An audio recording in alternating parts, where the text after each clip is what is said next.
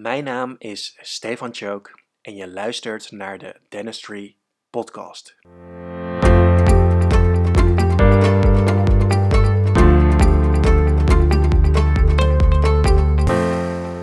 Van harte welkom bij weer een nieuwe aflevering van de Dentistry Podcast. Eh, dit keer ben ik de gast hier zo eh, in het mooie Nijmegen bij uh, tandarts genatoloog Arjan de Rijk. Um, Arjan is in 1995 afgestudeerd aan de Radboud Universiteit Nijmegen. Um, is sindsdien verbonden geweest uh, en gebleven aan de faculteit tandheelkunde daar en is inmiddels daar hoofddocent.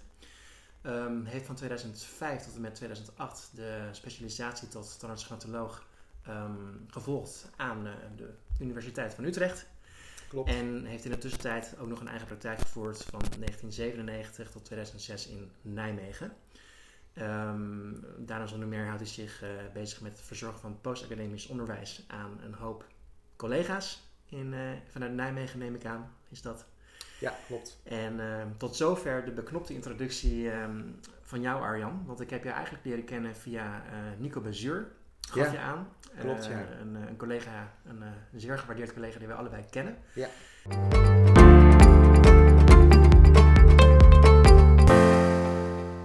Maar voordat ik uh, al het uh, gras voor je voeten wegmaai, wil ik graag beginnen gewoon uh, ja, met de eerste vraag waar we eigenlijk altijd beginnen met deze podcast. En dat is namelijk de vraag, um, uit wat voor soort gezin kom je?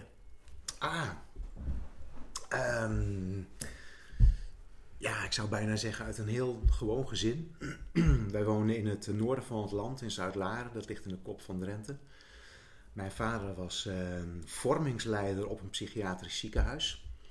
En wij hebben eigenlijk nooit goed begrepen wat dat inhield, vormingsleider. Maar in elk geval, um, um, daar, uh, daar werkte hij en wij zaten daar gewoon op school. En als wij um, thuis kwamen tussen de middag en wegfietsten, dan kwam hij eigenlijk zo'n beetje thuis. En wat belangrijk is, denk ik, is dat ik daar regelmatig op bezoek kwam. Ook in dat psych psychiatrisch ziekenhuis. En dat eigenlijk uh, heel Zuid-Laren het altijd had over die gekken van Dennenoord. En dat wij daar altijd respectvol patiënten tegen zeiden. En dat ik daarmee opgegroeid ben en ertussen heb gelopen, vond ik het ook nooit raar om met die mensen om te gaan. Dus dat was eigenlijk wel heel erg grappig. Ik heb, uh, ik heb twee, twee zussen, twee oudere zussen. Um, wij zijn um, in 1978 zijn wij verhuisd naar, uh, naar Nijmegen. Mijn vader kreeg ander werk. Hij ging werken op de Hogeschool Nijmegen, waar hij iets heel anders ging doen. En zodoende zijn wij in Nijmegen te, terechtgekomen. Mijn ouders hebben vroeger allebei een vorm van de so so sociale academie gedaan, de Jelburg in, uh, in. Dus ik kan wel zeggen dat uh, ik wel een heel so so sociaal gezin gehad heb.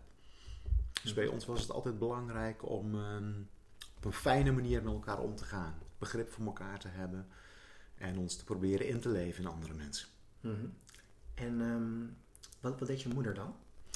Mijn moeder die, uh, die heeft dus ook die Jelburg gedaan.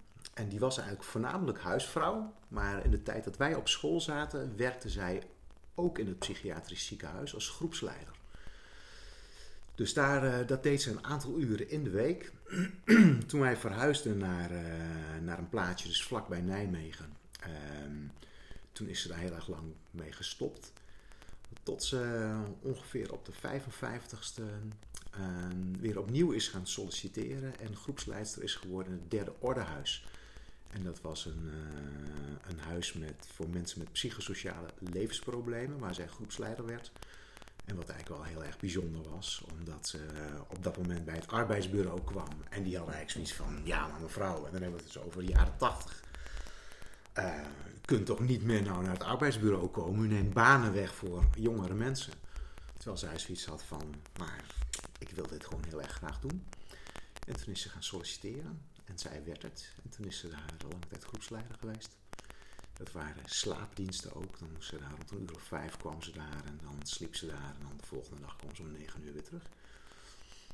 Mm -hmm. Ja. Jij bent uh. Jij zit aan de medische kant. Ja. Um, ik heb net begrepen tijdens, uh, het, uh, ja, tijdens de kennismaking dat jij niet de enige bent in het huis hier zo die medisch geschoold is. Um, wat, wat, wat doen je zussen dan? Ehm, mijn, eh, mijn oudste zus ehm, is verpleegkundige. en die heeft dat eh, lange tijd gedaan op de afdeling neurologie en neurochirurgie.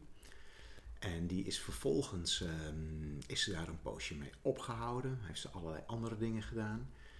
En nou sinds een, sinds een aantal jaren heeft ze dat weer opgepikt. En ze heeft onlangs haar diploma gehaald als Parkinson-verpleegkundige. Mhm. En dus die zit daar weer helemaal in. En die voelt zich weer als een vis als het water, in, een- in het water in het ziekenhuis. Mhm. En mijn, eh, mijn middelste zus, dus ik ben de jongste, zij zijn allebei ouder dan ik.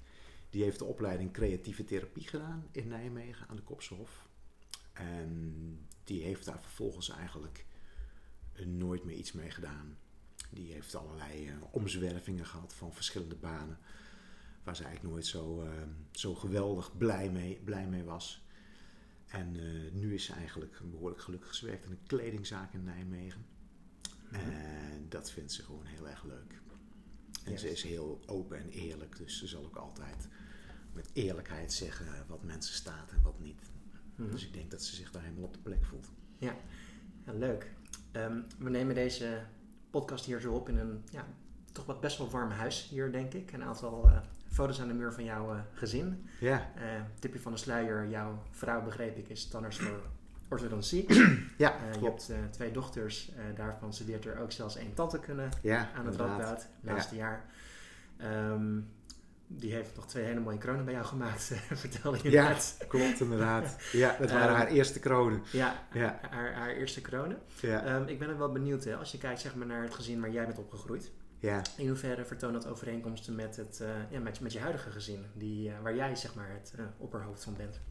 Oh, nou, laat ik beginnen met dat ik mezelf niet als opperhoofd zie in dit huishouden. Ehm, het is denk ik wel leuk om te vertellen dat mijn, mijn vrouw Regina echt uit een totaal ander gezin komt dan ik. Ehm, zij heeft ehm, de eerste zes jaar van haar leven in Duitsland gewoond. Ze is ook Duits. En ehm, ouders hebben allebei eh, de oorlog meegemaakt. En die zijn groot geworden in het Duitsland van de Wiederaufbau. Dus dat was echt gewoon werken, werken, werken, werken. En vooral leren, presteren. Dus die heeft echt een totaal andere opvoeding gehad eh, dan ik.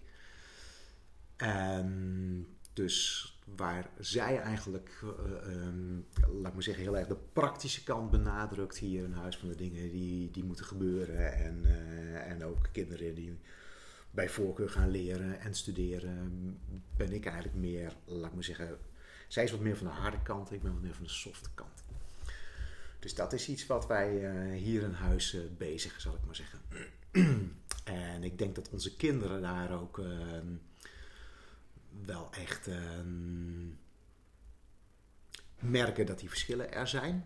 Waarbij het ook zo is dat ik denk dat mijn oudste dochter, Amber, dat die veel meer op mij lijkt en eigenlijk Noorlie veel meer op Regina lijkt. Dus ja, overeenkomsten. Ehm, nou, ik denk voor, voor een deel wel, omdat we ook allemaal in de zorg zitten. Mijn oudste dochter is eh, Amber, die studeert geneeskunde. Alhoewel ze op dit moment een poosje tussenuit is, maar ze heeft de bachelor geneeskunde gedaan. En eh, daarvan kan ik ook zeggen dat hij vooral heel erg idealistisch naar die geneeskunde kijkt. Dus die heeft eigenlijk zoiets van: Goh, jongens, ik wil. ehm, ze vindt eigenlijk de geneeskunde maar een beetje veredelde symptoombestrijding. Maar ze zou heel graag willen veel grotere aandacht voor leefstijlgeneeskunde. Dat er meer verantwoordelijkheid ligt bij de mensen thuis. En dat er minder onnodige verwijzingen zijn. Dus dat er langere tijd wordt genomen voor consultants. Dat er bij de huisartsen beter geschift kan worden in wat verwezen zou moeten worden en wat niet. Wauw, jeetje. een heel medisch gezin. Eh, wat wilde je eigenlijk altijd worden eh, vroeger als je later groot zou zijn? En ik had geen flauw idee. Nou, dat is trouwens niet helemaal waar. Eh, toen wij in Zuid-Laren woonden, toen was mijn, een van mijn favoriete hobby's was schaatsen. En wij woonden vlakbij het Zuidladermeer. En dat was in de tijd dat er nog veel ijs lag. En als het Zuidladermeer dicht lag, dan schaatsen we daar ook. En ik kon goed schaatsen. En eh, het bijzondere was dat ehm, eh, op de basisschool ging vanaf klas 5, dus dat is wat nu groep, groep 7 is, eh, werd er in de winter werd er in plaats van het gymnastiekonderwijs, uh, gingen we naar de kunstijsbaan in Assen. Ik ben er eigenlijk heel erg op verheugd om daar dan eindelijk echt goede schaatstraining te gaan uh, krijgen. Maar het geval wilde dat wij gingen verhuizen. Dus ik, was, ik wilde eigenlijk heel erg graag schaatser worden. Profschaatser. Um, dat was toen overigens nog helemaal niet mogelijk. Schaatsen was amateurs. En je had toen wel Jan Bols en de Arts Schenk. Dus dat is echt uh, jaren zeventig. Die hadden geprobeerd om profschaatser te worden. En dat was mis, mis, mislukt. Nou, nu kun je natuurlijk als je een hele goede schaatser bent daar best van leven. Maar dat wilde ik eigenlijk heel erg graag worden. Dat is het alleen nooit geworden. En voor de rest had ik geen idee. En het is ook heel erg lang zo gebleven. En um, het toeval wilde eigenlijk dat um, de eerste man van mijn zus, die is helaas aan een ernstige ziekte uh, over, overleden, maar die was tandarts. En uh, ik had de middelbare school gedaan. En ik, uh, ik ging toch mijn droom een klein beetje achterna, want ik ging naar de HAO in Eindhoven. En ik ging speciaal naar Eindhoven omdat daar een kunstijsbaan was. Dus ik wilde dat schaatsen weer gaan oppikken. Maar na een paar maanden, ik kwam uiteindelijk terecht op een kamer die echt 40 minuten fietsen was van de, van de kunstijsbaan. Dus dat werd hem eigenlijk niet. En ik merkte ook na een maand of drie, jongens, dit is het niet. En toen ben ik nog opnieuw een, een beroepskeuzetest gaan doen. En daar kwam eigenlijk, kwamen eigenlijk de medische richtingen uit. Tandheelkunde, geneeskunde, fysiotherapie. En daar had ik van mijn leven lang nog nooit bij stilgestaan. En op een of andere manier wilde ik geen fysiotherapeut worden. Omdat ik daar een wellicht verkeerd beeld bij had. Maar ik ben de hele dag aan het kneden in mensen, daar heb ik geen zin in. Geneeskunde daarvan dacht ik zoiets, daar ben ik vast niet slim genoeg voor. En dat is ook een hele hoge verant verant verantwoordelijkheid. Dat leek me moeilijk. En dat mijn zwager tandarts was, was ik daar maar eens mee gaan praten. Ik dacht, ja, waarom ook eigenlijk niet? Nou, toen heb ik nog een jaren tijd gehad om erover na te denken, want ik had geen sluitend uh, vakkenpakket. Dus ik heb nog een jaar op de avondschool scheikunde gedaan. En toen ben ik uiteindelijk gestart met tandheelkunde. En misschien ook wel bijzonder om te vermelden dat ik uh, ook halverwege die studie in het derde jaar echt dacht van... Ik weet niet of ik nog wel tandarts wil uh, worden. Dus ik heb ernstig overwogen om er toen mee op te houden. Om, om, er, om ermee te stoppen. En toen dacht ik van, ja jongens, ik ga dat vierde jaar afmaken. Want dan heb ik in elk geval een graad. En dan kan ik dan misschien iets mee. En het bijzondere was dat wij in het vierde jaar kregen we een nieuw onderwerp. Want het was vooral in die eerste jaren vooral studeren, reproduceren, studeren, reproduceren. En toen kregen we voor het eerst klinisch redeneren en behandelingsplannen maken. En dat viel bij mij helemaal op zijn plek, want eindelijk kon ik mijn kennis integreren. En toen ontdekte ik iets waar ik goed in was. En dat vond ik ook altijd, heb ik altijd leuk gevonden. Nu ook nog steeds binnen het onderwijs, het onderdeel klinisch redeneren vind ik nog steeds een van de leukste en ook belangrijkste zaken in de tandheelkunde. Hoe komt het dan dat jullie dochter, eh, de jongste dochter althans in dit geval, uh, over tandheelkunde heeft gekozen? ja, uh, dat was voor ons echt een verrassing. Ze heeft daar jarenlang veel weerstand tegen gehad. Um, en ze had dus altijd zoiets van, ja, tandheelkunde, dat dus niet, hè. En wij hebben ook altijd gezegd, nee joh, natuurlijk niet ga lekker doen wat je zelf leuk vindt. En het bijzondere was dat ze um, eigenlijk voor een heleboel dingen ta talent had. Ze kan goed piano spelen. Uh, ze kan heel mooi tekenen en schilderen. Ze heeft een tweetalige opleiding gedaan. Ze is heel erg talig ook. Dus um, ze heeft ook echt serieus nagedacht over de kunst, kunstacademie daar is ze ook geweest met haar spullen. En ik was erbij. Ik zag die docenten kijken naar die spullen en hun, hun, hun wenkbrauwen optrekken van wow, dit is mooi. Maar ze had toch altijd zoiets van, ja, ik weet het niet helemaal zeker. En toen op een gegeven moment zei ze, ja, ik wil toch eens bij de open dag tandheelkunde gaan kijken. En wat haar over de streep getrokken heeft, dat was in Nijmegen, was de enorm goede sfeer tijdens die open dag. En die ontzettend enthousiaste studenten. En ik denk dat ze toch een flink deel van haar kwaliteiten daarin kwijt kan. Want ze is kunstzinnig en ze is ook gewoon heel handig op de vierkante millimeter. Dus wat dat betreft uh, durfde ik ook met een gerust hart haar eerste kroon bij mij te laten maken. Wat mooi. Ja. En jullie oudste dochter dan? Is daar ook nog uh, tante kunnen overwogen? Of, uh... Ja, die is, eh, die is eh, met mij meegegaan ooit naar de open dag. Omdat ze dat dan ook wel graag eh, in elk geval wilde, wilde bekijken. En dan mag je daar op de fantoomzaal mag je dan ook een vullingje maken en dergelijke. En ze, ze, ze was daarmee bezig en ze had het vullingje gemaakt. En ze keek maar en ze zei, ja pap, dit is aardig, maar veel te beperkt. Dus ik ga geen tante kunnen doen. En wil die eventueel nog door voor kaakchirurg dan? Of, eh, Ehm, nou, ik moet eerlijk bekennen, Noralie die, eh, die heeft laatst stage kaakchirurgie gedaan. En ehm, daar, we gingen vele verhalen over de ronde, goede en slechte verhalen. En zij heeft een hele leuke tijd gehad op de afdeling met het interne stage. En ehm, ook de docenten zei op een gegeven moment van... nou, als je nog interesse hebt om kaakchirurgie te worden... dan laat het ons op tijd weten. Dus ik denk, nou, maar in het laatste jaar komt nog de externe stage. En eh, ach, zeg nooit nooit. Zou me niets verbazen als ze zou zeggen van, goh, dat zou ik uiteindelijk toch wel willen.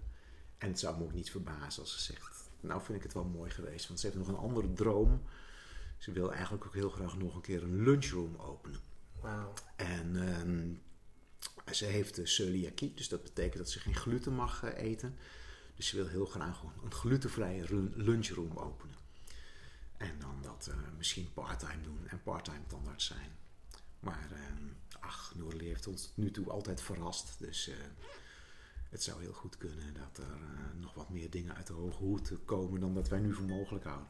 En jullie oudste Amber, zou die dan eventueel nog eh, vanuit geneeskunde de, de MKA willen opgaan? Ehm, het zou me verbazen. Want Amber is ehm, vooral heel begaan met nadenken, beslissingen nemen. Maar ze weet ook van zichzelf dat ze niet zo verschrikkelijk handig is. Dus ze zegt ook van, nee, chirurgie, dat ligt mij niet. Amber is meer een puzzelaar. Die vindt het leuk om als een patiënt eh, twaalf verschillende sym- symptomen heeft... om te kijken wat voor overeenkomsten daarin zitten. Om te kijken welke richting de diagnose op zou kunnen gaan. Dus ik verwacht niet dat hij eh, nog de MKA-chirurgie eh, binnengaat. Mhm. ja, ja. Maar het zou kunnen inderdaad. Hè? Want we hebben, eh, als je de geneeskundeopleiding hebt gedaan, dan kun je de tandheelkundige opleiding voor artsen volgen. Een verkorte tandheelkundeopleiding. Nou, Ja. Je hoort het vaker, hè? Eh, zeker vanuit tandheelkundige gezinnen als het ware. Ouders standaards of een van de ouders is standaards. Eh, Ja. De dochter zegt van, of zoon zegt van ja, het is te beperkt. Gaat geneeskunde doen en vervolgens ontdekken ze toch dat kaakchirurgie ook wel heel interessant Ja, ja, zou ja. kunnen zijn. Dus Ja. dat heb ik vaker gehoord. Ehm, hoe oud was jij toen jij koos voor tandheelkunde? Ehm, ik was 20, denk ik. 19 of 20. Ik had, ehm, ja, ik had een jaar extra over het, het, het, VWO gedaan. Eh, daar ben ik achteraf gezien ook heel erg blij om. Eh, daar wist ik ook nooit wat ik wilde. En ik vond eh, ook dat VWO vond ik allemaal heel erg frag- fragmentarisch. Ik zag er geen lijn en ik moest kennis reproduceren. Dus uiteindelijk heb ik dat eh, volbracht. Ehm, toen heb ik dat jaar HEO gedaan. En na die beroepskeuzetest, dat is dan denk ik in, eh, ja, dat was eind 87. Dus ik denk dat ik, ja, in januari, toen was ik net 20 geworden. Toen heb ik me ingeschreven voor de opleiding tandheelkunde. En ik ben toen ik 21 was, ben ik die gaan volgen. Mhm. Ja. Dan ben je afgestudeerd op je... Ik ik heb, eh, dat was een vijfjarige opleiding. Ik heb er eh, vijf en een half jaar over gedaan. Ook daar ben ik heel erg blij om, dat ik zeker dat laatste jaar eh, rustig aan heb gedaan. Ik heb nog een hele mooie buitenlandstage gedaan in Glasgow. En ik heb over mijn praktijkjaar, mijn laatste jaar, heb ik expres drie maanden extra gedaan om nog wat meer ervaring op te doen en op een rustige manier mijn patiënten te kunnen afbehandelen. En toen was ik, ik was net 27 toen ik afgestudeerd was. Mhm. En dat vond ik eigenlijk ook wel een voordeel. Of een voordeel in elk geval. Ik had het idee van ik ben niet meer een heel erg broekie. Alhoewel toen ik in de eerste praktijk kwam, waar ik mijn eerste maand volledige waarneming had, ehm, ik wel werd gezien als ja, oh ja, er zit een nieuw jong broekie in die eh, pra- praktijk. Dat was ik toen met mijn 27 jaar. Dus je zit inmiddels 28 jaar in dat vak ongeveer. Ja, Dan ben je ongeveer 55. ja 55, 55. precies. Ja. Als je dan kijkt naar de, de keuze van destijds voor tandheelkunde en met de kennis van nu die je nu hebt, zou je dan, als je weer opnieuw zou mogen beginnen en weer opnieuw voor kunnen kiezen? Vermoedelijk niet. Nee? Nee, nee. Ik denk nu met, uh, met wat ik uh, nu uh, weet, um, denk ik dat ik toch geneeskunde zou gaan doen. Maar er zijn bij mij eigenlijk vier dingen die, die een beetje door mijn hoofd spelen. Ik ben de gnatologie ingegaan omdat ik mij altijd, heel altijd heel erg geïnteresseerde voor psychologie en voor filosofie. En door de kennisverbreding binnen de gnatologie ben ik ook meer de medische achtergronden gaan waarderen. Dus ik vermoed dat ik nu uh, uh, voor geneeskunde zou, uh, zou, zou kiezen. En dan ook meer richting diagnostiek, maar vooral ook de, context waarin mensen leven betrekken in de, in, de, in, de, in de gezondheid. Dus ik denk wel eens ooit psychiatrie. De psychiatrie is dan vermoedelijk toch wel weer wat, wat, wat smaller. Maar in elk geval dus um, geneeskunde met een echt een blik op het taalwezen van de, van de patiënt. In plaats van in bezighouden met de ziekte of de klacht waar die patiënt zich mee bezighoudt. Of zich mee openbaart of last, last van heeft. Ja. Uh, jij hebt je specialisatie, of eigenlijk differentiatie is het officieel, tot differentiatie, uh, ja, zeker. In, ja. in Utrecht uh, gedaan, van ja. 2005 tot met 2008. Ja. Um, waarom heb je voor deze verbreding gekozen? Ja, um, daarvan zeg ik ook wel eens, ik ben er bij toeval ingerold. Ik vind ook dat ik bij toeval in de tandheelkunde gerol, gerold ben. Maar het was zo, um, ik was, ik was docent op de opleiding en in een van onze onderwijsblokken maakten wij een occlusale spalk. En op een gegeven moment komt een, een van mijn collega's naar mij toe en die zegt: Goh, Arjan, we hebben in de PAO-cursus iemand extra nodig die die occlusale spalk begeleidt. Wil jij dat doen? En ik had zoiets van: Oh, maar jongens, wacht even. Dit, ik doe dat voor studenten, ik kan dat een beetje. Daar zie ik mezelf eigenlijk niet zo capabel voor. Hij zegt: Arjan, weet je, dat is geen enkel punt. Tandartsen weten daar over het algemeen ook heel erg weinig van. Dus kom dat maar gewoon doen. En uh, nou, zo'n uitdaging ging ik, ging ik graag aan. Dus ik werd uiteindelijk lid van de cursus, van de PAO-cursus. Die heette toen ook nog de occlusale spalk. En op een gegeven moment werd een van onze, een van onze docenten ziek. Um, en toen werd er een professor uit België, Anton de Laat, die viel voor hem in. En die deed een eerste introductie over gnatologie. En dat vond ik dusdanig inspirerend dat ik echt zoiets had van, maar dit wil ik ook. Dus nadat, hij, uh, nadat die dag was afgerond, dat was op een vrijdag, ben ik op maandag onmiddellijk naar een paar mensen gegaan bij ons in het, in het gebouw. En ik heb gevraagd, hoe word je tandartsgnatoloog? En toen hoorde ik dat er twee opleidingen waren, één in Amsterdam en één in Utrecht. En ik weet niet meer precies waarom ik voor die in Utrecht heb gekozen. Um, maar ik denk dat ik daar gewoon als eerste naartoe gebeld heb. En um, dat was eigenlijk vrij snel, uh, vrij snel plek. Dus daar ben ik gaan solliciteren. En ze waren volgens mij heel erg blij dat ze überhaupt twee mensen hadden.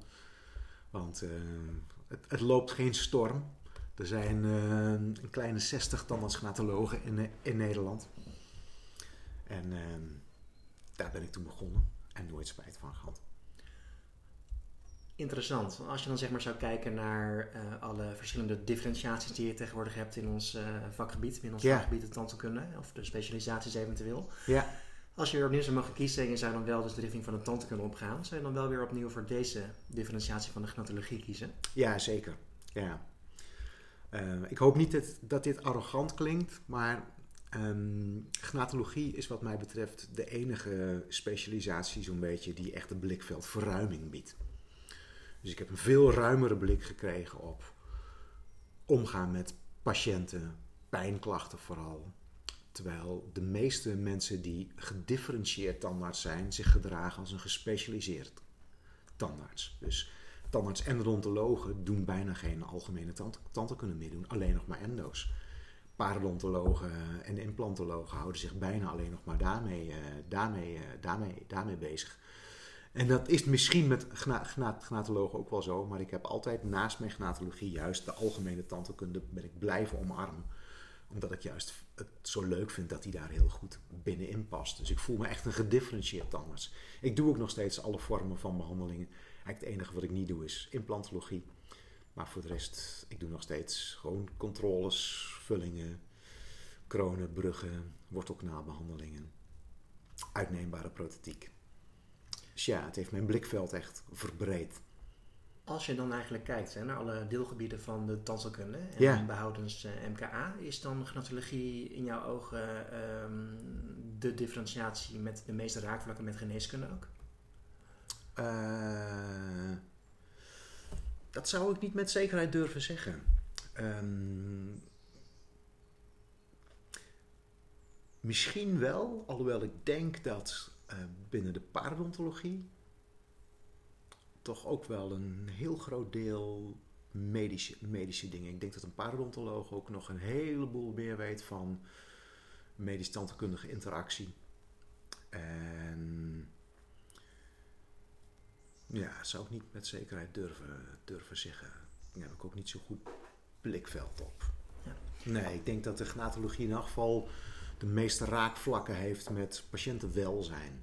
Dus vooral met de psychologie ook. Ja.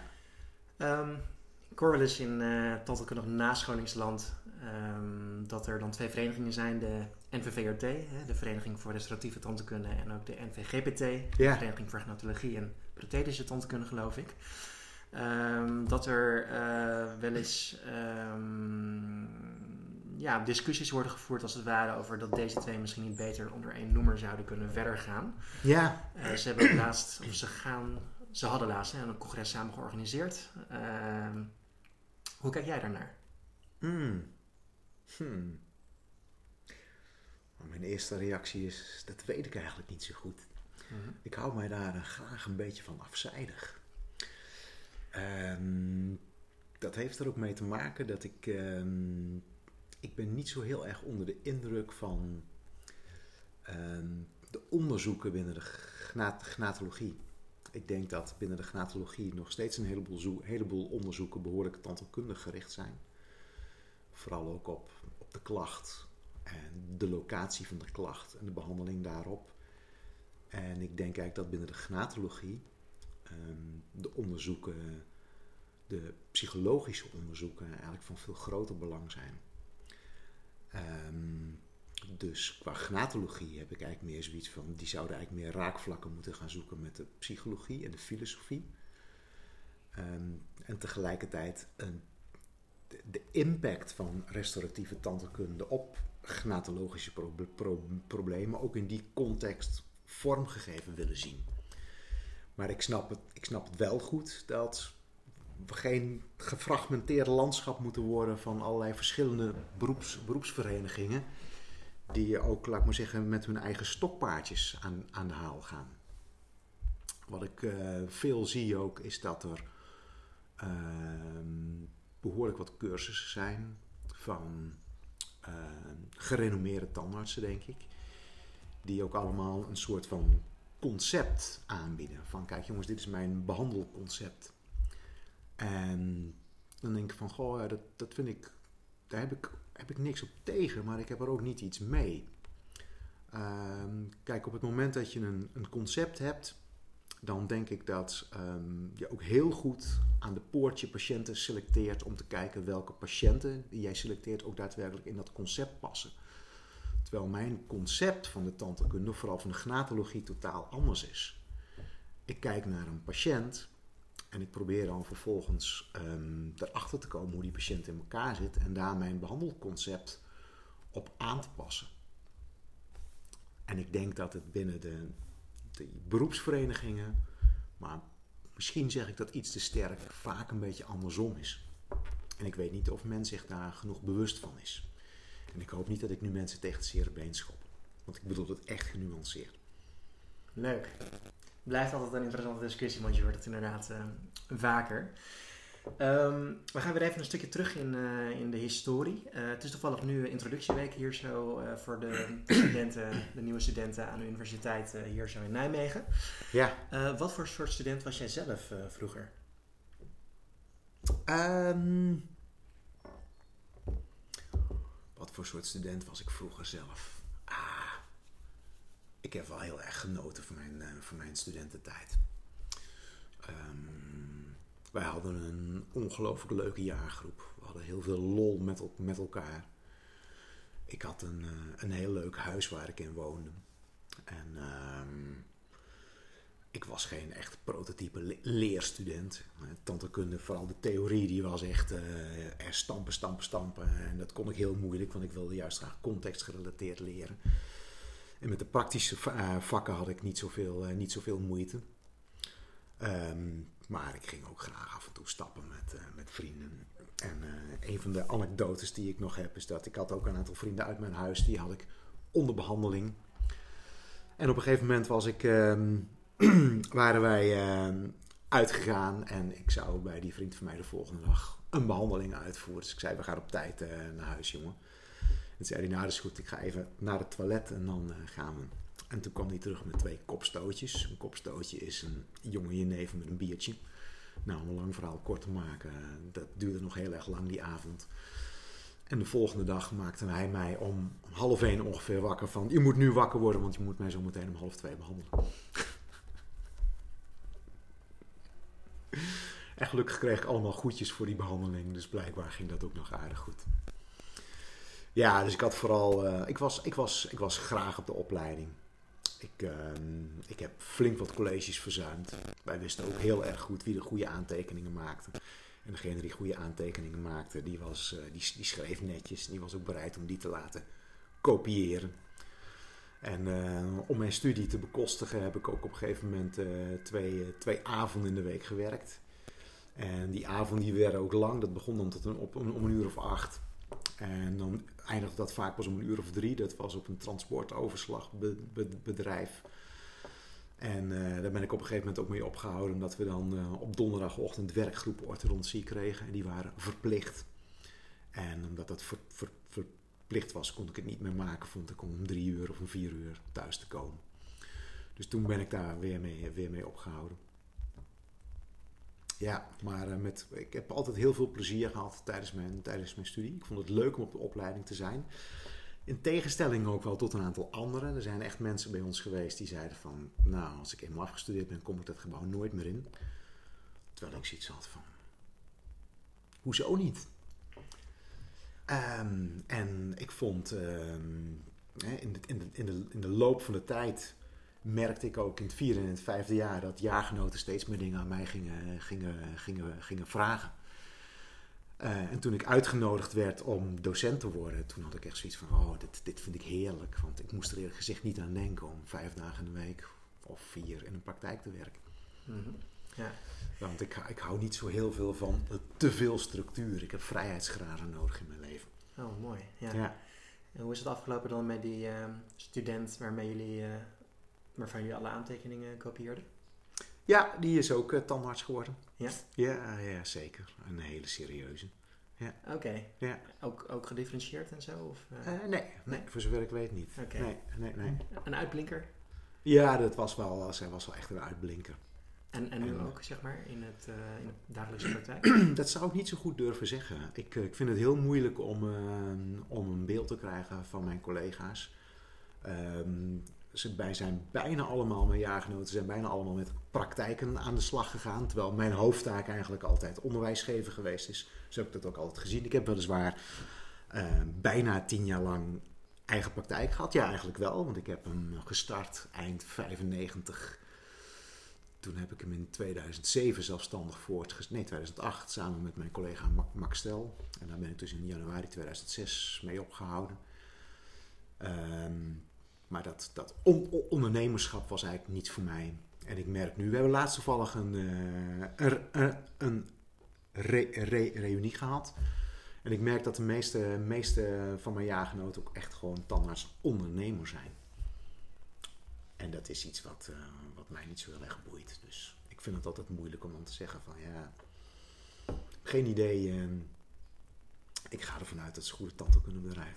Wat dat dan ook mogen zijn trouwens. Hoe ben jij dan bij uh, Nico Bezuur uh, terechtgekomen? Ah, um, een vriendin van Regina, die had de cursus De Doorbraak gedaan. en uh, die zei, oh dat is een geweldige cursus. Toen zei ze tegen Regina, die moet je ook gaan doen. Dus die heeft die cursus gedaan. En die kwam daarvan terug. En die had echt zoiets van, wow, dat is wel een hele bijzondere cursus. En die moet je ook maar eens gaan doen. En ehm, dus dat heb ik gedaan in januari 2006, denk ik. En ik was net een half jaar bezig met mijn opleiding tot tandarts gnatoloog. En die cursus die sloot er eigenlijk naadloos bij aan. Um, dat het veel meer zicht geeft op je eigen patronen die je hanteert. Wat versterkende pat, pat, pat, pat, patronen zijn. Welke patronen je juist in de weg zitten. Dus nadat ik eerst die cursus daar de, door, de doorbraak gedaan heb, heb ik de opvolgcursussen, de Beautiful Mind en de Delightful Life ook gedaan. En de Delightful Life is een bijna jaarlijks terugkerende vorm van retraite om de, zaak, om de zaag scherp te houden. Dus die heb ik een aantal keren gevolgd ook. Ja, zodoende ben ik daarbij eh, terecht, terecht gekomen. En mijn vrouw heeft toen uh, nog de masterclass tantekunde daar gedaan. Mooi, ja. Um, je gaf inderdaad al een beetje een uh, tipje van de sluier dat op een gegeven moment gingen medestudenten steeds meer aan jou vragen. Naarmate jij uh, verder kwam ook in uh, de opleiding. Had jij inderdaad altijd al wel zoiets van jezelf of, of in die zin, was er al op vroege leeftijd in jouw ogen duidelijk dat jij inderdaad op latere leeftijd, zoals je nu ook doet, andere mensen, collega's zou gaan inspireren? Ehm, nou, het grappige was dat ehm, ehm, toen ik klein was, uh, ging ik vaak op de kinderstoel staan en dan begon ik blijkbaar verhalen te vertellen. Dus mijn, mijn zussen en misschien mijn moeder ook, maar ik denk mijn zussen die zeiden altijd van Arjan die, die wordt later dominee. Um, dus misschien wel. Ik had altijd wel iets te vertellen en ik had er ook altijd een vrij uitgesproken mening over. Maar ik wilde altijd dat mijn mening genuanceerd was. Um, dus ik weet niet of het vanuit mijn roots um, meege meegegeven is. Was jij ook in jouw studententijd lid van een studentenvereniging? Uh, nee. Nee, ik was geen lid van een studentenvereniging. Wij waren, laat ik maar zeggen, allemaal lid van de, studie, van de studievereniging, van de TFV, de Tandheelkundige Faculteitsvereniging. En ik zat bij, uh, bij de tapcommissie, het dappenglaasje. Dus daar was ik lid van. En ik had een, uh, ik had een, een heel leuk huis waarin ik woonde met tien mensen. Um, dus ik heb altijd uh, die gang en de studie en onze, tap, onze tapcommissie, die op don, don, donderdagavond altijd uh, kroeg hield eigenlijk. Dat was voor mij uh, voldoende. Ik ben, uh, nee, tijdens de introductie, ik heb wel ooit bedacht van, oh jongens, zou ik bij een roeivereniging willen of bij een andere vereniging. Maar uiteindelijk heb ik dit niet gedaan. Mm -hmm. Ook nooit spijt van gehad. Juist, ja. Um, wordt ook wel eens gezegd, hè, de studententijd is de mooiste tijd van je leven. Ja. Um, ben jij daarmee eens? ja, ja, en de bijzondere dingen is dat ik uh, nog steeds met enige regelmaat uh, droom van mijn studentenhuis. En dan in een terugkerende droom, ziet het telkens een beetje anders uit. Um, heb ik mijn kamer nog steeds aangehouden. En dan kom ik dus ook in die kamer terug. En dan wonen er tussen allerlei andere mensen. Maar dan, dan heb ik dus die kamer nog. Maar ik vond het echt een hele mooie tijd, ja. Het was echt uh, gewoon heerlijk. Ik woonde vlak bij de stad. Het was 10 minuten fietsen naar de faculteit. Op loopafstand in de stad. En ik heb daar echt heel erg van, uh, van genoten. Ja, mm -hmm, ja. absoluut. Ja. je komt uh, over als iemand die behoorlijk gepassioneerd is, moet ik zeggen. Ja. wat doe je graag in je vrije tijd? Ah. Um, Behalve schaatsen. Ja, schaatsen doe ik nog steeds graag. Um, ik heb een, um, ik heb een heleboel verschillende sporthobby's gehad. En op het moment doe ik een triathlon. Hmm. Uh, ik heb een poosje aan wedstrijd wielrennen gedaan. Maar dat was toch op een gegeven moment ook wel gewoon beangstigend eigenlijk. Uh, er waren valpartijen en ik ben gelukkig nooit heel erg ernstig gevallen. En uh, op een gegeven moment ben ik, ik bij de triathlonvereniging gegaan, omdat ik zat in het de medezeggenschapsraad van de basisschool. En daar kwam iemand bij en die zei van... Arjan, je doet toch een wielrennen? Is triathlon niks voor jou? Ik zei van nee, want zwemmen dat kan ik echt voor geen meter. Ze zei ja, zit hier maar, kom eens een keer kijken, want er speelt een goede, een goede, een goede zwem, zwemtrainer. Nou, ik moet nu zeggen, we zijn er tussen ruim tien jaar verder. Echt goed en snel zwemmen heb ik nooit geleerd. Maar de triathlonvereniging is een hele leuke, gezellige vereniging. En uh, fietsen doe ik nog steeds heel graag. Zwemmen doe ik ook steeds graag, alhoewel ik het niet zo, niet zo goed kan. En hardlopen ook. En ik blijf er goed van in vorm. Dus ik, uh, ik sport graag. In de winter schaatsen ook. Winter, wintertriathlon. Hele leuke wedstrijd is er in uh, Enschede. Dan is het lopen, fietsen, schaatsen. En um, uh, ondanks dat ik er niet zoveel talent voor heb, heb ik ongeveer de afgelopen 15 jaar pianoles gehad. Ik speel wat piano, maar ik heb heel veel tijd nodig om dat goed in, te, in te programmeren, zal ik maar zeggen. En ik ben een heel erg grote muziekliefhebber. Ik heb ook een muziekluisterclubje met, met drie andere mannen. We hebben alle, alle vier een behoorlijk goede muziekinstallatie. Dus dan soms hebben we een thema. En soms is het gewoon zo van jongens, we hebben geen thema. En we spelen zowel oude als nieuwe muziek. Dus meestal gaan we we gaan altijd wel op zoek naar ontdekkingen en zo van oh jongens, we hebben hier iets, iets, nieuws, iets nieuws ontdekt. En wij hebben gelukkig ongeveer dezelfde muziek en muziekstijl. Dus dat is wel leuk. dus we houden over het algemeen wel van elkaars muziek. Alhoewel er ook nog wel eens een keertje vers, vers, verschillen in zitten. Dus het komt ook wel eens een keer voor dat er iemand iets draait en dat ik echt zeg van, oh jongens, ik kan hier echt helemaal niets mee. Juist, ja. En mijn uh, grote favorieten zijn uh, Tori Amos, die vind ik echt heel erg goed. En uh, Annelies Mitchell. Um, die ook een hele mooie musical gemaakt heeft, waar ze een prijs voor, voor gewonnen heeft, terwijl ze niet zo bekend is. En die heeft een nieuwe band, Bonnie Light Horseman. En die traden laatst op in Tivoli. Dus daar ben ik geweest, samen met een van mijn maten van de, van de muziekvereniging, van, van ons, onze muziekclubje. Dat was echt briljant. En aangezien het nog niet zo bekend is, is dat dan heerlijk. Want dan kost die kaartjes gewoon 27,50. En er zitten 500 mensen in een zaal in plaats van dat het 150 euro kost die er 10.000 mensen in een stadion zit. Dus ik hou meer van kleinschaligheid dan van grootschaligheid. Juist, ja. Het kwam net al eventjes uh, aan bod, maar ik denk desondanks best wel een, uh, een belangrijk onderwerp. En ook voor menig collega misschien uh, nuttig, dan wel inspirerend. Omdat, ja goed, er zullen ongetwijfeld meerdere collega's zijn die er mee zitten. je gaf al aan, ik ben een redelijk druk bezet man. Ja. Jij ehm, werkt ook, nou, je, je, hebt drie banen gaf je aan. Je werkt onder ja. meer op de, wat was het, opleiding voor tandprothetici was het? Ja. Dat doe je in, in Utrecht. In Utrecht, Op de vrij dagen of zaterdagen? Ja, meestal op zaterdag. Ja. Af en toe op vrijdag. Ja, ja precies. Um, hè, dus uh, de vraag, uh, hoe vind jij een, een goede werk-privébalans? Ja, um, het is echt een valkuil voor mij. Ik vind het heel erg belangrijk. En ik weet ook dat ik er niet zo verschrikkelijk goed in, uh, in ben. Dus um, in een van de cursussen bij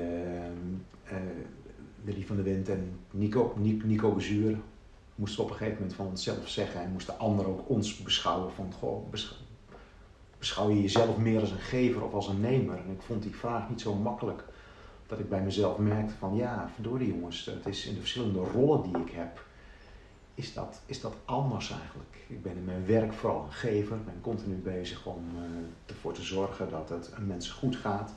Maar dat had zijn weerslag wel echt op de, op de thuissituatie, dat ik daar een nemer werd. En ik denk juist dat het belangrijk is om ervoor te zorgen dat uh, juist die balans tussen geven en nemen, die is volgens mij heel erg belangrijk. En ik denk dat het ook niet zo heel erg is dat je in je ene rol iets meer een gever bent en in de andere rol iets meer een nemer, maar dat er wel een mate van balans in moet zitten. Dus dat het niet in de ene rol helemaal doorslaat naar het ene en in de andere rol helemaal doorslaat naar het ander. Ik denk dat dat een hele belangrijke is. En als we dat dan uh, vertalen van uh, de, de werk-privé-balans van, uh, als je dan kijkt van de dingen waar jij gelukkig van wordt, waar krijg jij een kwispelstaart van? Ja, ehm, dat is in het werk vooral van onderwijs geven. Ik vind het heel mooi om mensen te kunnen inspireren in de hoop dat ze een betere versie van zichzelf uh, kunnen, kunnen maken. Um, er zijn een heleboel studenten die worstelen met dingen um, waarbij ze vooral één ding heel erg in de weg zit, is mijn ervaring, en dat is prestatiedrang. En als ze die prestatiedrang achterwege kunnen laten, maar meer in de ontwikkelmodus kunnen gaan zitten, dus echt in staat zijn om te leren, dan wordt dat een heel stuk, eh, een, een, heel, een heel stuk beter. En het bijzondere van mezelf wel is dat ik dat heel goed kan uh, faciliteren, ook voor anderen. Um, maar als ik het dan voor mezelf bekijk, dan denk ik van, oh ja, ik, kan het wel goed aan anderen meegeven, maar ik zit zelf ook heel vaak in een soort van prestatiemodus. Want van sporten bijvoorbeeld word ik heel erg blij. Um, maar dan wil ik toch ook wel graag een bepaald gemiddelde snelheid halen of een aantal kilometers maken. Um, of um, wat ik nog doe aan denksport is schaken bijvoorbeeld. En er is een, uh, is een mooie schaak-app waar je een heleboel schaakpuzzeltjes hebt. Maar daar zit ik dan ook vaak, kan ik er vaak helemaal niet goed tegen op het moment dat ik die puzzels niet goed kan oplossen. Dus daarvan denk ik ook van oké jongens, maar dit is een ontwikkelmoment. Dus ik vind het veel makkelijker om het over te dragen aan anderen dan om het bij mezelf toe te passen. Dus dat is echt nog wel een dingetje. En wat ik ook duidelijk heb gemerkt is dat gewoon het, het sporten en het leegmaken van mijn hoofd daarmee is wel een hele belangrijke voor mijn eigen balans. En uh, ik merk ook dat zodra ik, uh, maar zeggen, lichamelijk fit ben, dan word ik mentaal ook meteen een heel stuk fitter. Juist. Mooi inderdaad. Um, je liet me net al eventjes kort blijken, hè? dus uh, je noemde al een aantal keer de cursussen van uh, Nico uh, Bezuur. Ja. Um, je vertelde me dat je inderdaad ook naar Tony Robbins bent geweest destijds. In Londen was dat. Je ja. hebt over hete kolen gelopen. Um, nou, in, in ook die seminars hè, ga je kijken van, goh, wat vind ik nou echt belangrijk in het leven? En hè, onder meer van waar word ik gelukkig van? We hadden het er al eventjes kort aangestipt aan het begin. Van, hè, stel je voor, uh, je zou weer opnieuw mogen beginnen. Wat zou je dan gaan doen? Um, die had je al deels beantwoord. Maar toch nog eventjes voor de zekerheid deze vraag. Stel je voor dat uh, de tantekunde überhaupt in zijn geheel helemaal niet zou uh, bestaan. Ja. Wat zou je dan gaan doen? Als de tantekunde niet zou bestaan, dan zou ik denk ik geneeskunde gaan doen. Um, of anders filosofie waarschijnlijk. Dat zijn in elk geval de dingen die mij bezighouden. Maar ik denk ook vooral, um, de filosofie boeit mij altijd om, ik vind het heel moeilijk om, ik ben niet echt een aanhanger van een bepaalde stroming. Ik wil ook niet zeggen dat ik er heel veel verstand van heb. Maar het houdt me wel altijd bezig. Dat is de kracht van het denken. En ik heb serieus uh, een paar maanden geleden nog gekeken of het misschien nog mogelijk is om een deeltijdopleiding filosofie te volgen. Dat is er en het toeval wilde dat ik twee weken geleden een van mijn, de mensen hier uit de straat sprak. Die bovendien nog uh, ruim tien jaar ouder is dan ik. Die is, hij, is, hij is 66 of 67. En hij zei, ik ga met de deeltijdopleiding filosofie beginnen. Dus dat vond ik wel heel erg inspirerend. Ik dacht, nou, dat ligt misschien ook nog in het vers, vers, verschiet. En er zijn een aantal boeken uh, van psychologen, filosofen, psychiaters die in romanvorm zijn. Bijvoorbeeld de boeken van Irvin Yalom, Irvin D. Yalom. Die schrijft een aantal boeken over, uh, over zijn werk als psychiater. Daar heeft hij een romans van gemaakt.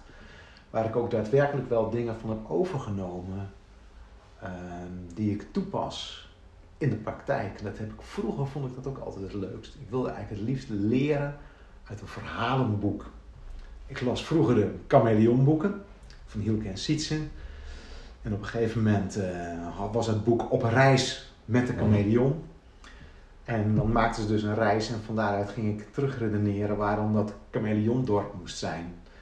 En daarmee spijkerde ik eigenlijk, toen was ik natuurlijk een jaar of tien of elf of zo, spijkerde ik mijn uh, topografische kennis van, van Friesland bij. Dat vond ik altijd gewoon een heel erg leuke ding om te doen. Eigenlijk als een soort van spelletje. Leuk. Ja. Ja, ja, ja, ja. Um, en ik kan er misschien wel inschatten wat je hierop gaat antwoorden dan, maar uh, stel je voor dat tijd en geld geen rol zouden spelen. Uh, wat zou je dan doen in het dagelijks leven? Um, ik denk vermoedelijk um, sporten, piano spelen, muziek luisteren. En dan denk ik dat ik uh, vrijwilliger zou zijn bij, uh, bij de triathlonvereniging wellicht. Ehm, of bij andere sportverenigingen om te kijken of ik wat eh, jeugd zou kunnen coachen. En wellicht ook, nou misschien ook wel dat ik eens zou kijken of ik ehm, wat zou kunnen betekenen voor eenzame mensen. Staat bejaardentehuizen of dat soort dingen. Ja. Ja. Waar komt dat vandaan? Ja, misschien dat het eigenlijk wel komt. Ik heb het afgelopen jaar op de opleiding tand, tand, tandprothetiek ehm, heb ik eigenlijk een soort van invalwerk gedaan voor allerlei lacunes die ze daar in het onderwijs hadden. En een van de dingen die ik daar als onderwijs gaf was de geriatrische tandheelkunde. En ehm, eh, toen heb ik een, een collega gevraagd die zelf ook uh, of uh, tandartsgeriatrie is. Of die nog wat plaatjes voor mij had die ik kon gebruiken. En als ik dan zie wat voor een ongelofelijke hoeveelheid ellende daartussen zit af en toe, dan denk ik van, oh, wat is dit toch erg. Ik had afgelopen woensdag nog een mevrouw onder behandeling, die eigenlijk van alles in de mond en van de hele lijf last had. Ze was 80 jaar, de man was overleden, de mond was helemaal rood. Ze kon eigenlijk niets meer.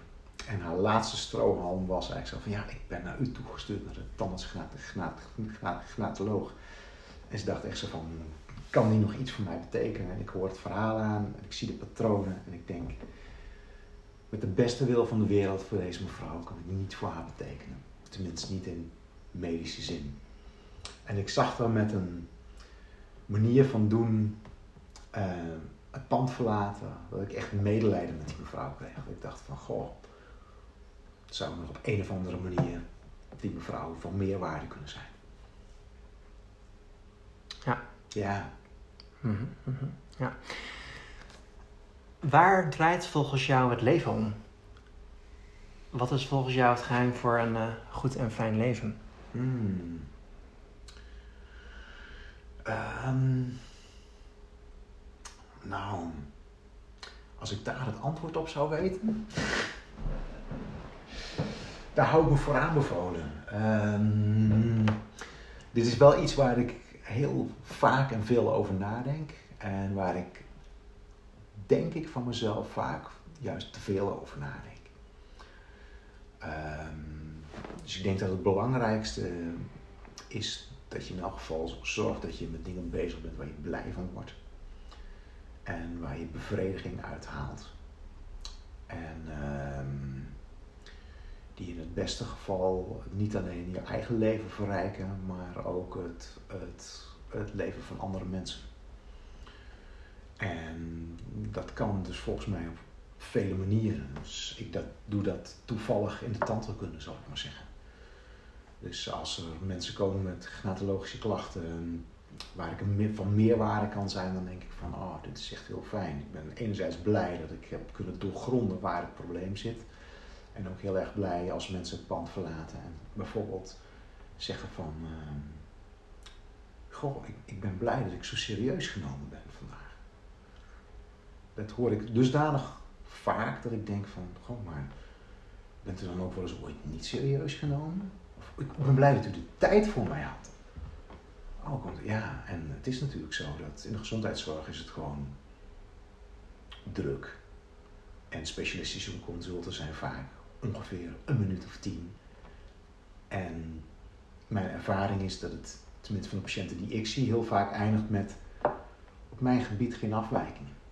We zijn heel erg aan het kaderen en de zorg smal aan het maken, terwijl juist dat brede blikveld op die patiëntenbehandeling, in elk geval in mijn vakgebied, heel erg belangrijk is. Dus dat is in mijn werkzame leven denk ik belangrijk. En ik, denk dat uh, als iedereen doet waar hij goed in is en passie heeft, en dat in elk geval in, ergens in zijn of haar leefomgeving dat ook kan overbrengen op een deel van de mensen, dat we dan daarmee uh, in elk geval uh, voor een iets betere samenleving zouden kunnen volgen. Op zich wel interessant als je dan inderdaad naar de gnatologie... zorgen, sorry. Ja. ja. Op zich wel interessant als je dan naar de gnatologie kijkt in dit geval. Want stel je voor, inderdaad, iemand loopt rond al tijdenlang of jarenlang, misschien zelfs met onbegrepen pijnklachten. Ja. Zijn jullie gnatologen dan het, het eindstation eigenlijk? Ehm, in elk geval een aantal gevallen, ja. Dus eh, ik krijg mensen in de, in de, in de, in de praktijk die ehm, op allerlei stations geweest zijn. En inderdaad zoiets hebben van, en ik kan nergens geholpen, geholpen, geholpen worden. Dus dat komt voor, ja. Dat we zijn af en toe wel een beetje het afvoerputje. Ehm, ja, en dan is het ook nog zo dat, uh, dat ook daarin geldt. Over het algemeen is het zo, kijk, meestal is het zo dat de acute en de subacute klachten worden door de gewone tandarts uh, gezien. Zo gauw het wat meer chronisch wordt, dat snap ik ook, dan hebben de tandartsen er heel vaak en niet genoeg tijd voor en niet genoeg know-how om te kijken hoe ze dat zorgproces het beste kunnen kan, kan, kanaliseren. Dus dan komen ze bij de tandartsgatoloog terecht. Ik denk dat ik van die mensen weer ongeveer 80% kan helpen, maar er is ook een ongeveer 20% die ik niet kan helpen. En ik denk dat een van de belangrijke dingen ook is om daarin te leren accepteren dat het niet altijd gaat. En wat ik in de loop van de jaren heb gedaan, is, is, uh, is ook mijn blikveld verruimd om te kijken van, goh jongens, zijn er nou nog, nog meer dingen die we kunnen inzetten in dat zorgproces. Kijk, de klassieke gnatologen die zeggen bijvoorbeeld, um, hoor eens jongens, uh, we hebben, um, hebben spier, en we hebben gewricht en die occlusie, daar hebben we het niet meer over, die heeft er niets mee te maken. Ja, daar ben ik het gewoon domweg niet mee eens. Want juist als een, als een, als een persoon overbelast is en het adaptatievermogen het niet, het, het niet, niet meer doet, moet je gaan kijken met het individuele leven van die patiënt. Wat, wat daar mogelijk in de, weg, in, in de weg staat. En als iemand zegt, ja, mijn, mijn gebit past niet lekker en het voelt niet comfortabel. Wie ben ik dan om te zeggen, ja, nee, dat heeft niks met uw klachten te maken. En natuurlijk heeft dat ermee te maken, want het, het iemand comfortabeler maken is buitengewoon belangrijk.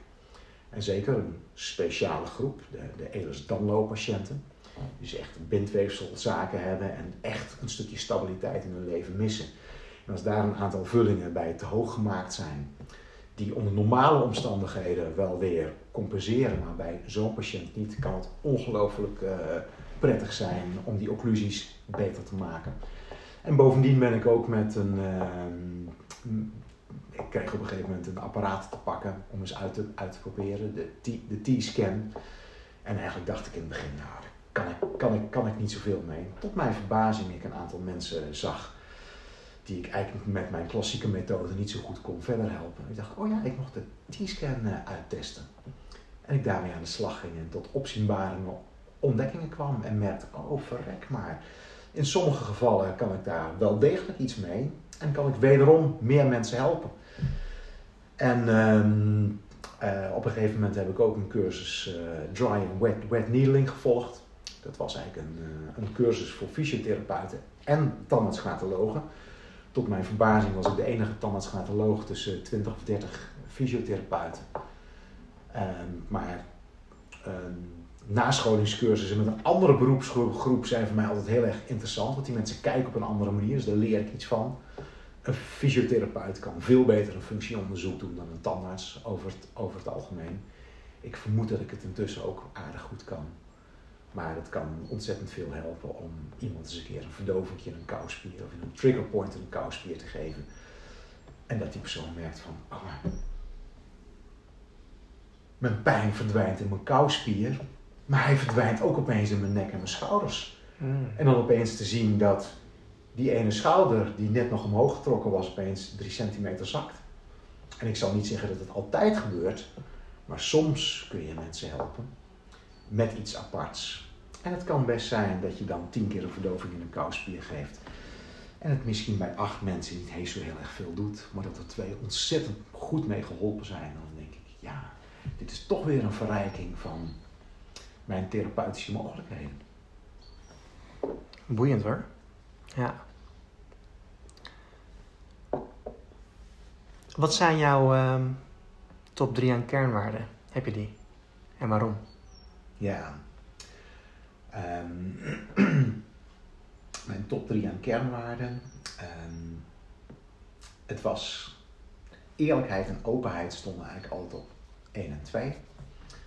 Uh, eerlijkheid, openheid en betrouwbaarheid. Alhoewel betrouwbaarheid en eerlijkheid misschien wel over hetzelfde gaat. Integriteit. Um, en een uitvloeisel daarvan is eigenlijk voor mij dat ik probeer voor mezelf een moreel kompas te maken waar ik op probeer te varen. En daar staan deze zaken in elk geval in. Um, misschien dat ik wel vroeger vond dat je in alles open moet zijn of in alles eerlijk moet zijn. Daar ben ik een beetje van teruggekomen. En dat is niet zo. Dus kijk, um, altijd onder alle omstandigheden de waarheid zeggen. Dat is misschien niet altijd even, even goed. Ik denk soms dat er, um, zeker als je, als je heel eerlijk bent um, en je slaat daarin door, dan kun je ook bot worden. Dus eerlijkheid op de goede toon is denk ik goed. Um, ja, dus nogmaals, integriteit, eerlijkheid, openheid. Toch wel. Kan je daar eens een, uh, ik vind het erg interessant, want kan je daar eens een voorbeeld van geven van als je zegt eerlijkheid op de goede toon. Wat is dan bijvoorbeeld een voorbeeld waarvan je vroeger had gezegd van nou daar ben ik open over, maar waarvan je, waarvan je nu zou zeggen van goh, misschien is een alternatief van de eerlijkheid toch wel beter in, in dit geval? Ja, ik vind het um, een van de dingen die ik bijvoorbeeld heel erg moeilijk vind, is we hebben natuurlijk ook wel eens studenten die in het zesde jaar zitten. En dan eigenlijk um, waarvan ik merk van, oh verrek, eigenlijk zijn ze niet zo goed coachbaar. Um, als ik dan eerlijk ben en ik zeg van, goh, zou ik mij door deze student willen laten behandelen? Zelf. Dan denk ik wel eens, nee. Zou ik deze, als deze student afstudeert bij ons, in de praktijk aannemen? Dan zeg ik, nee. Voor mezelf. Maar om daar op een eerlijke manier met zo'n student over in discussie te gaan. Kijk, ze zullen mij dat. Stel je voor dat een student zou zijn die, die aan mij zou vragen: Zou je mij in de praktijk aannemen, Arjan, als ik, als ik, als ik, af, als ik afgestudeerd ben? En ik zou in mijn hart denken: nee. Dan denk ik van: Oeh, hoe ga ik dat dan brengen? Dat vind ik echt, een, echt iets heel erg moeilijks. Als je op een paar punten verbetert, dan zijn er mogelijkheden. Ja, ja, ja. Ja, misschien is dat wel een antwoord wat, uh, wat ik zou moeten geven. Uh, terwijl als ik een, een, jaar lang heb gezien dat iemand eigenlijk niet coachbaar is, dan wordt het toch wel heel erg lastig. Juist. Ja. Dus dat is een voorbeeld waarvan ik wel eens een keer denk van, oh ja, dat vind ik heel erg moeilijk. Ja. ja wel interessant, want ik moest er al een paar keer eerder aan denken tijdens dit gesprek. Maar hoe kijk jij naar de opleidingen in, uh, voor zover ik daarover kan oordelen natuurlijk, maar in Amsterdam en Groningen? En dan bedoel ik zowel naar het studentenonderwijs als eventueel naar de vakgroepen. Ja, dat vind ik ook wel een moeilijke. Uh, omdat ik het niet zozeer van dichtbij meemaak. Dus de dingen die ik over uh, Amsterdam en Groningen hoor, die, dat is meestal tweedehands informatie. Of derdehands. Um, wat ik merk in de opleiding in Nijmegen is dat wij uh, in de loop van de jaren, wij waren altijd een hele sterk klinisch georiënteerde opleiding. Um, en dat wordt steeds minder, omdat het patiëntenaanbod gewoon echt heel anders is. Wat wij nu zien is dat eigenlijk twee patiëntengroepen oververtegenwoordigd zijn. Namelijk de relatief eenvoudige en de relatief moeilijke. Die, die, die, die, die, die, middengroep, waarbij uh, wortelkanaalbehandelingen, of relatief makkelijke wortelkanaalbehandelingen gedaan kunnen worden, kronen gemaakt kunnen worden, relatief eenvoudig brugwerk. Um, dat ontbreekt. En wat ik hoor is dat in Groningen en Amsterdam dat nog veel moeilijk, moeilijker is. Dat er mensen zijn die zonder brug of zonder kronen afstuderen. Um, en aan de andere kant denk ik ook tegelijk, en dat vind ik ook echt de eerlijkheid, Um, op het moment dat als iemand bij ons afstudeert en wij laten iemand afstuderen die zijn of haar grenzen echt heel goed kent en die bewaakt En die zal zeggen, hoor eens, bij deze verrichting heb ik nog wat meer begeleiding nodig. En als daar ruimte voor is in de praktijken, en dat is er soms wel, maar soms ook niet, en dan hou ik mijn hart wel een beetje vast, ehm, dan is er volgens mij niet, zo, niet zoveel aan de hand op het moment dat daar ruimte voor is. Ik zeg er ook eerlijk bij, als iemand twee maanden fulltime in de algemene praktijk heeft gewerkt, dan heeft hij intussen net zoveel gedaan als in zes jaar lang tandheelkunde. Qua praktisch klinisch. Dus ik denk dat we, we hoeven niet heel veel herhaling te gaan doen, maar ik denk dat er nu wel een beetje tegen de ondergrens aan zitten. Ik denk dat mensen wel met een bepaalde vorm van ervaring die praktijk in moeten, om ook daadwerkelijk een aantal dingen nog te gaan doen. Ik weet bijvoorbeeld dat er al tandartsen zijn die zeggen, ik doe geen wortelkanaalbehandeling meer, want daar voel ik mij niet meer competent voor. En misschien is dat wel een van de redenen dat de tandarts en tegenwoordig een wachttijd hebben van zes tot negen maanden, geloof ik. En dat vind ik wel een vorm van verarming van het beroep. Ja.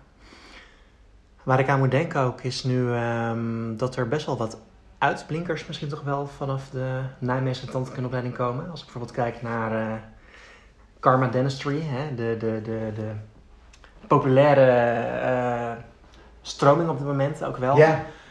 Als je dan kijkt naar zo'n uh, Maarten de Beer, Frekels Lindhorst, Jasper Tolen. Ik weet ook niet toevallig Marten Rijmakers, maar dat zijn allemaal jongens die komen uit Nijmegen. Ja. Is dat, is dat, is dat toeval of zit daar wat meer achter, denk je? Oh, dat weet ik niet. Um, het zou, het zou, ja, het is, ja, het klopt. De namen die jij, die jij noemt, die ken ik allemaal. Ze allemaal als studenten meegemaakt. Um, nou, zou ik eigenlijk niet durven zeggen. Maar misschien, misschien wel. Uh, wij hebben al langere tijd in elk geval in Nijmegen vormen van keuzeblokken gehad. Afstudeerprofielen ook. Dus dat er in elk geval wel één vakgebied echt vertegenwoordigd is waar ze mee aan de slag kunnen. En waar ze zich in kunnen verdiepen. Dus ik denk wat dat betreft dat we, ja, misschien, dat we uh, uiteindelijk toch een soort van initiator zijn geweest om um, te proberen meer te differentiëren of te specialiseren ergens in. En uh, ik weet dat deze mensen de, dit soort dingen op, opgezet hebben. Maar ik, ik, weet ook niet of dat nou te maken heeft met meer met on, ondernemerschapskwaliteiten of met tandheelkundige kwaliteiten. zou ik niet durven zeggen. Want zijn er van de andere faculteiten geen mensen die dat soort cursussen opzetten? Uh, jawel hoor, jawel. Um, maar ik heb gewoon een bepaald gevoel dat er ook echt wel um, relatief gezien veel uit Groningen en Nijmegen komt, zeg maar. Oké, okay. uit Groningen ook? Uh, nou ja, en Erik Jan Muts heeft in Groningen gestudeerd. Ja, ja, ja, en uh, ja, ik kijk bijvoorbeeld wel, als ik nu even Amsterdam even snel eventjes wat uh, moet noemen, een, een Noorjan Yilmaz, die heeft wel in Amsterdam gestudeerd volgens mij. Paul de Kok natuurlijk, maar die is al wat langer actief voor mijn gevoel in het veld. Ehm, maar ja, zeg maar, als ik dan kijk van de grote talenten of de, de, de jongens die populair zijn en ik kijk naar zo'n karma, ja, dan valt ja. me op dat met name Groningen en, uh, en Nijmegen daartussen zitten eigenlijk. Ja. Oké, okay. ja. ja. Dus, ja. Ja, ja. ja ik... Um... Misschien het water hier zo. Wat zeg je? Misschien is het uh, de wa het water of de lucht hier zo. Het, wa het water hier, de lucht. Ja, ja, ja. ja. Ja. Ik vind het altijd heel erg moeilijk te zeggen, omdat ik, uh, ik weet dat het inderdaad po populaire namen zijn. En, um, en uh, tegelijkertijd um, ben ik een beetje terughoudend met mensen met grote naam, omdat ik weet dat er vaak concepten verkocht worden, tussen aanhalingstekens. Dat bedoel ik zeker niet in negatieve zin. Maar wat ik merk ook is dat studenten tegenwoordig ook al, die zitten op Instagram pagina's te kijken. Um, en doordat ze eigenlijk, maar zeggen, in hun studententijd al worden aangestoken tussen aanhalingstekens met dit soort, dit soort dingen, wekt dat de prestatiedruk nog hoger op. Dat is mijn ervaring. Dat mensen dan kijken van, oh jongens, moet eens kijken hier op Instagram. Maar dat kan ook nog allemaal helemaal niet. En dan denk ik van, ja weet je, dat is ook niet erg. Je wordt hier opgeleid om iets te leren. Vooral je sterke en je zwakke kant. En te kijken waar je blij van wordt. De dingen waar je blij van wordt, ontwikkel die zometeen alsjeblieft. Zodat je daar een meerwaarde voor jezelf, maar ook voor de mensen in je omgeving kunt zijn. Mhm. Ja. En voor de rest, ehm, ja, ik zei net al, hè, mijn, mijn, mijn eigen concept is meer van, ik werk met mensen met pijn. Ja, dus ik kijk veel meer naar van, goh jongens, hoe, hoe kan ik nou mijn aanpak het beste afstemmen op de patiënt? In plaats van dat ik aanhanger ben van één concept. Mhm. Ja. We hebben allemaal eh, in ons leven eh, verschillende rolmodellen. Ja. Ehm, wie zijn jouw inspirators en waarom? Oh. Ehm, ja. Bedoel je in de tandheelkunde of is het algemeen? Het mag in de breedste zin van het woord In de breedste zin van het woord. Nou, in de tandheelkunde heb ik eh, in elk geval ehm, een aantal mensen gehad die mij echt geïnspireerd hebben toen ik net docent werd. Dat waren mijn collega's eh, Paul Plasmans en Rob de Kanter. Ehm, omdat het twee heel verschillende personen waren.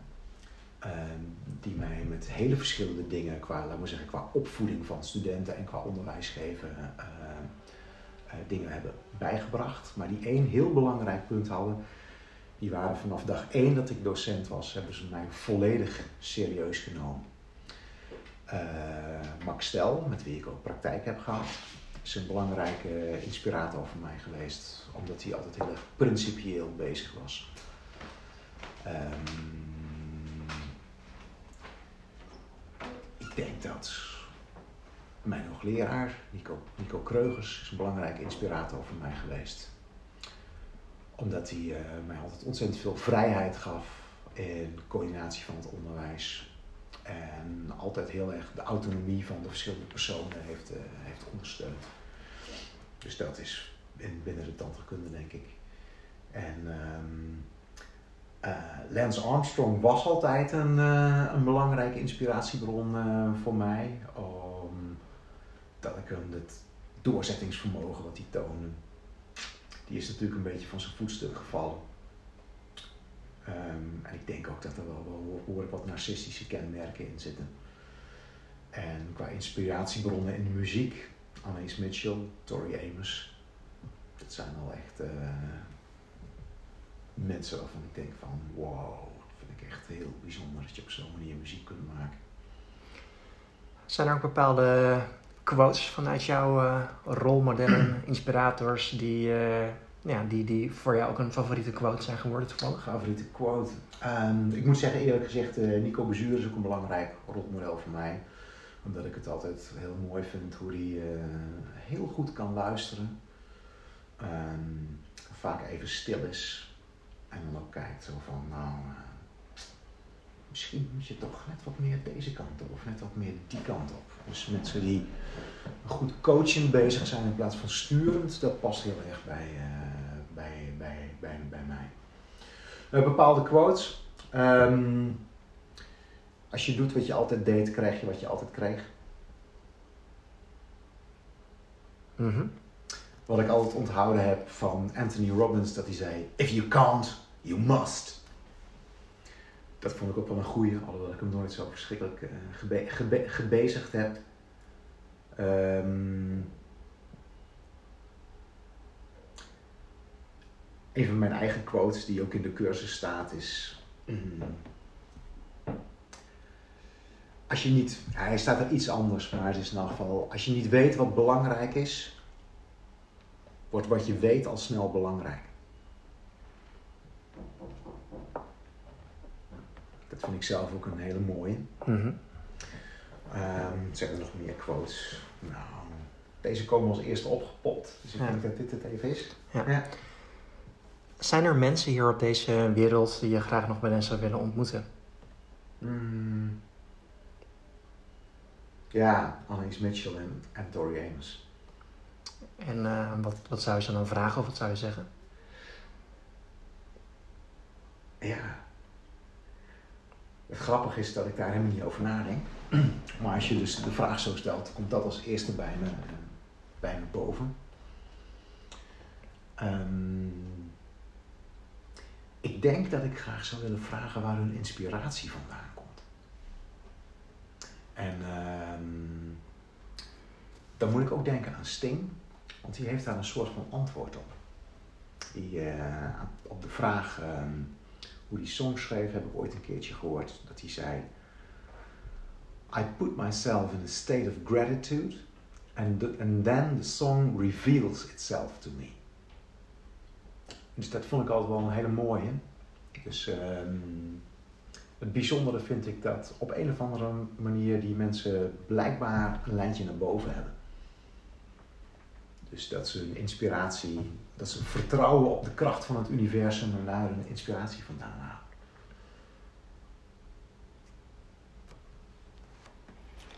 Ja. zeg je mooi inderdaad. Heb jij zelf verder nog bepaalde ambities of dromen? Ehm, nou,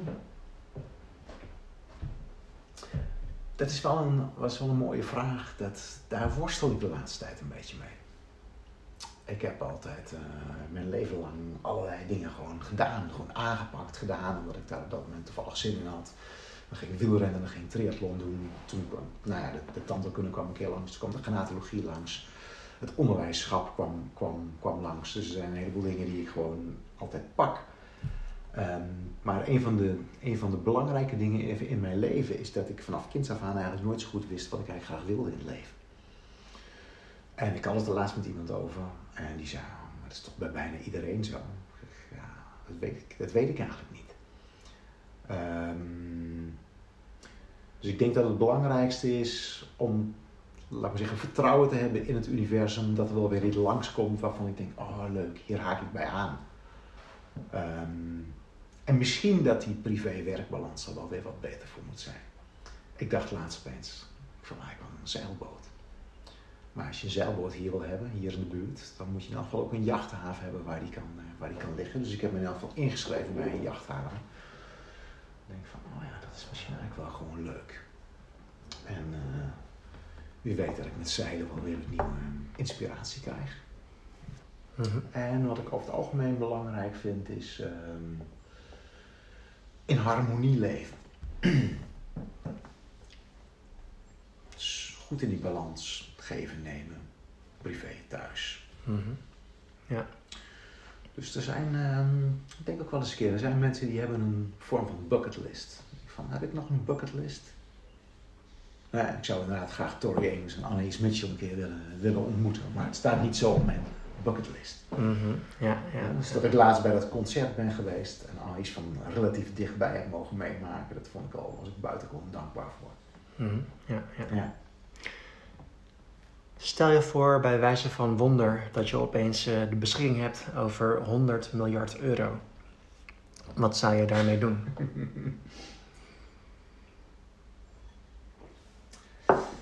Oh, dus ja. Dat is wel een grappige vraag. Ik heb ooit eens een keer uh, gedacht van, uh, stel je dat inderdaad voor dat ik heel veel geld krijg. Toen was het eerste wat ik dacht, ik dacht, dat ga ik aan onze vakgroep schenken.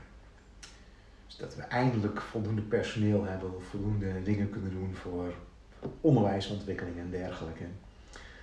En uh, toen werden, daarna werden, werden de kaders anders. Toen zei iemand tegen mij, ja dan stel je voor dat je zelfs dat geld zou hebben dan zou je dat niet eens in de opleiding kunnen steken, want dat mag eenvoudigweg niet. Dus 100 miljard euro. um, het lastige daarvan vind ik um, dat ik vermoed dat je er met geld alleen niet komt. Um, dus kijk, als je aan topmodellen vraagt, wat willen jullie graag in het leven? Dan zeggen ze world peace. Um, is dat koopbaar met 100 miljard euro? Nee. Um, ik zou heel graag willen dat de verschillen tussen arm en rijk kleiner zouden worden. Dat er betere leefomstandigheden zouden zijn voor mensen die aan de ondergrens zitten. Tegelijkertijd zijn goed en slecht, of goed en fout, zijn twee kanten van dezelfde medaille de medaille geweten, noem het maar even.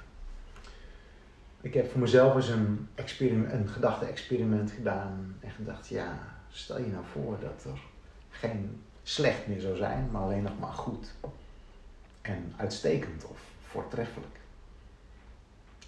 Dan krijgen we hetzelfde. Noemen we voortreffelijk goed, dan noemen we gewoon goed, noemen we matig of slecht.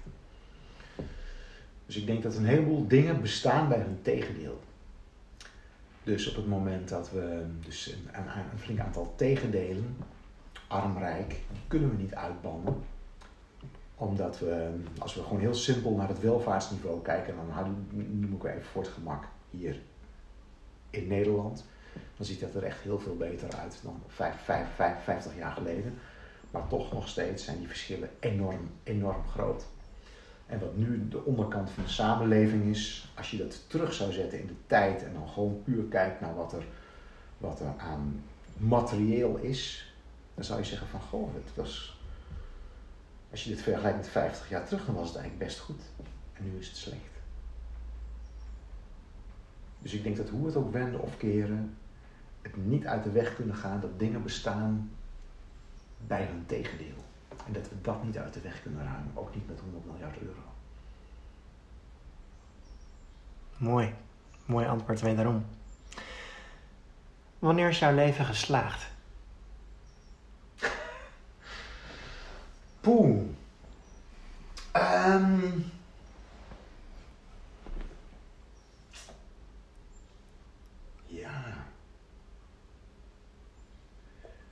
doet mij denken aan een quote uit het boek van, uit het boek van Covey.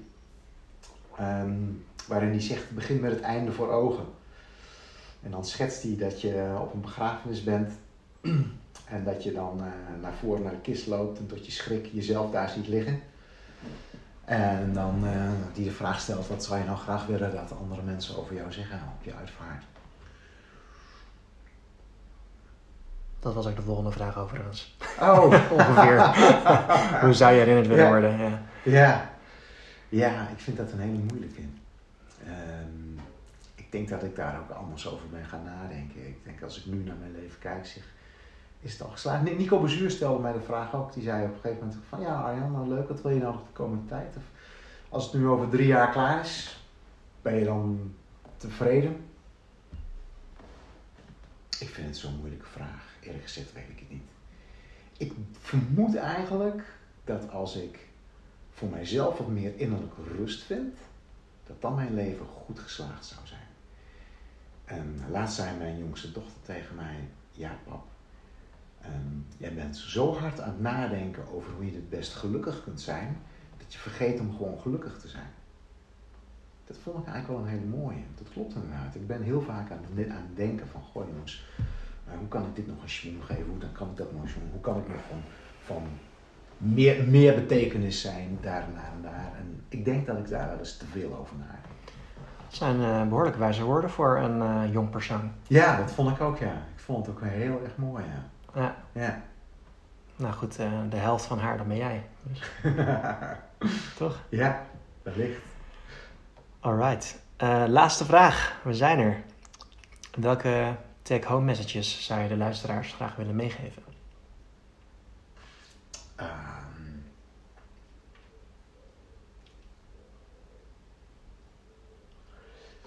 um, dat um, iedereen een unieke bijdrage te leveren heeft in het leven. en dat je die niet moet vergelijken met bijdragen die anderen leveren. Jouw bijdrage is net zo belangrijk als die van ieder ander. Um, en dat staat los van de likes die je krijgt op social media. Dat is eigenlijk ook, nou, dat is eigenlijk, nou, misschien is mijn belangrijkste take-home message ook wel, nou, mijn belangrijkste. um,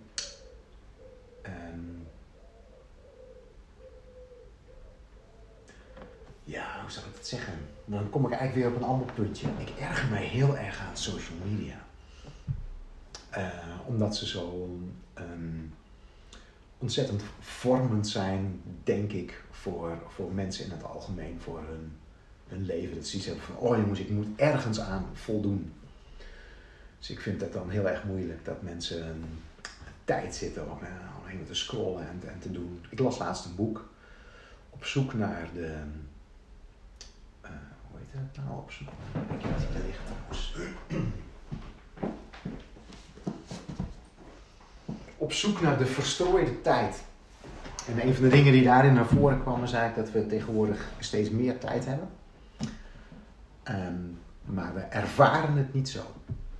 Omdat we een heel groot gedeelte van de tijd bezig zijn op onze telefoon, op onze computer, websites aan het, aan het afstruinen zijn. Waarmee we denken misschien wel uh, gelukkiger te worden. Um, terwijl als we die tijd eens zouden uh, investeren in de dingen die we echt belangrijk zouden vinden, dat we dan um, een betere versie van onszelf uh, zouden zijn. Dus mijn, mijn tweede tip is: ga eens op zoek naar de tijd die je zelf verstrooit en of je die misschien op een andere manier zou kunnen invullen. Waardoor je meer van meerwaarde bent. Mooi. Voor jezelf en. Stel je voor, je zou zelf ooit een boek schrijven. Waarover zou dat boek gaan? Ah, ik ben. Uh, ik heb een half jaar geleden gedacht. Ik ga een boek schrijven, Gnatologie voor de Algemeen Practicus. Uh, ik, heb een, ik heb een inleiding gemaakt en ik heb een aantal hoofdstukindelingen gemaakt. Um, maar ik weet niet of het boek er ooit zal komen. Het was in elk geval mijn bedoeling om het boek te maken voor, voor tandartsen die affiniteit hebben met gnatologie, maar ook voor mensen die geen affiniteit daarmee hebben. En dat is denk ik ook iets, uh, zeker in de, in de, in de tandheelkunde, ik denk dat je er ontzettend goed van bewust moet zijn waar je affiniteit mee hebt, maar ook bewust moet zijn van de dingen waar je geen affiniteit mee hebt. Dat hoeft namelijk ook niet. Je hoeft niet met alles affiniteit te hebben. Mm -hmm. Ja. Dat is denk ik gewoon, als je een hekel hebt aan wortelkanaalbehandelingen, ja, doe ze dan niet. Of open ze alleen, en maar zorg in elk geval dat je een samenwerkingsverband hebt binnen een praktijk. Dus je oh, maar dat vind ik leuk. Ik ben het afvoerputje bij ons in de praktijk.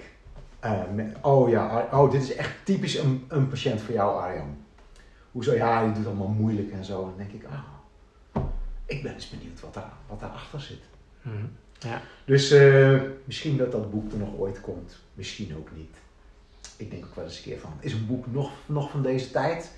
Zou ik misschien niet iets meer kunnen doen met een website, met daar een aantal korte presentaties op zetten bijvoorbeeld. Dat zou ik nog kunnen aantal TED-talks bijvoorbeeld, zal ik maar zeggen. Misschien zou je eens een keer een masterclass kunnen geven over je onderwerp. Ja. ik hoorde dat er toevallig op 9 september aanstaande een hele goede gaat plaatsvinden met ene Arjan de Rijk. En waarop heel veel mensen welkom zijn. Dus uh, een masterclass over gnatologie, TMD, onbegrepen pijnklachten, occlusie, articulatie. En waarbij uh, ja, al je hoogtepunten uit je carrière tot dusver voorbij gaan komen, begreep ik. Ja, dus, uh, klopt. Zodoende. Ja. Als laatste, Arjan, is er een vraag die, uh, die ik wel had moeten stellen, maar die ik niet heb gesteld?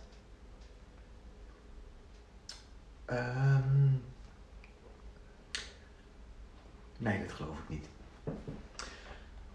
Nee. Nou. Nee, ik heb, ook, uh, ik heb er ook uh, eerlijk gezegd ook niet over nagedacht wat voor vragen je zou gaan stellen. Ik denk van ja jongens, bij dit soort dingen is de beste voorbereiding geen voorbereiding. Mm -hmm. Mm -hmm. Nee, daar ben ik het mee eens. Ja. Dus inderdaad, ik heb er niet over nagedacht wat voor vragen je mij zou kunnen stellen. Fijn. Ja. Nou, dan uh, gaan we bij deze, de, de podcast die toch uh, zeker meer dan een uur heeft geduurd, uh, dit keer afsluiten. Arjan, hartelijk dank voor de gastvrijheid en ik moet toch bekennen, je mooie inspirerende woorden. Hè, want jouw verhalen en jouw ervaringen zijn voor een ander potentieel van, van groot belang. Um, ik wil graag de luisteraar u weer opnieuw jou bedanken voor het luisteren naar deze aflevering met niemand minder dan tandarts-gnatoloog en levenskenner Arjan de Rijk. En um, ik wens je nog een hele fijne voortzetting van de dag. Graag weer tot een volgende keer.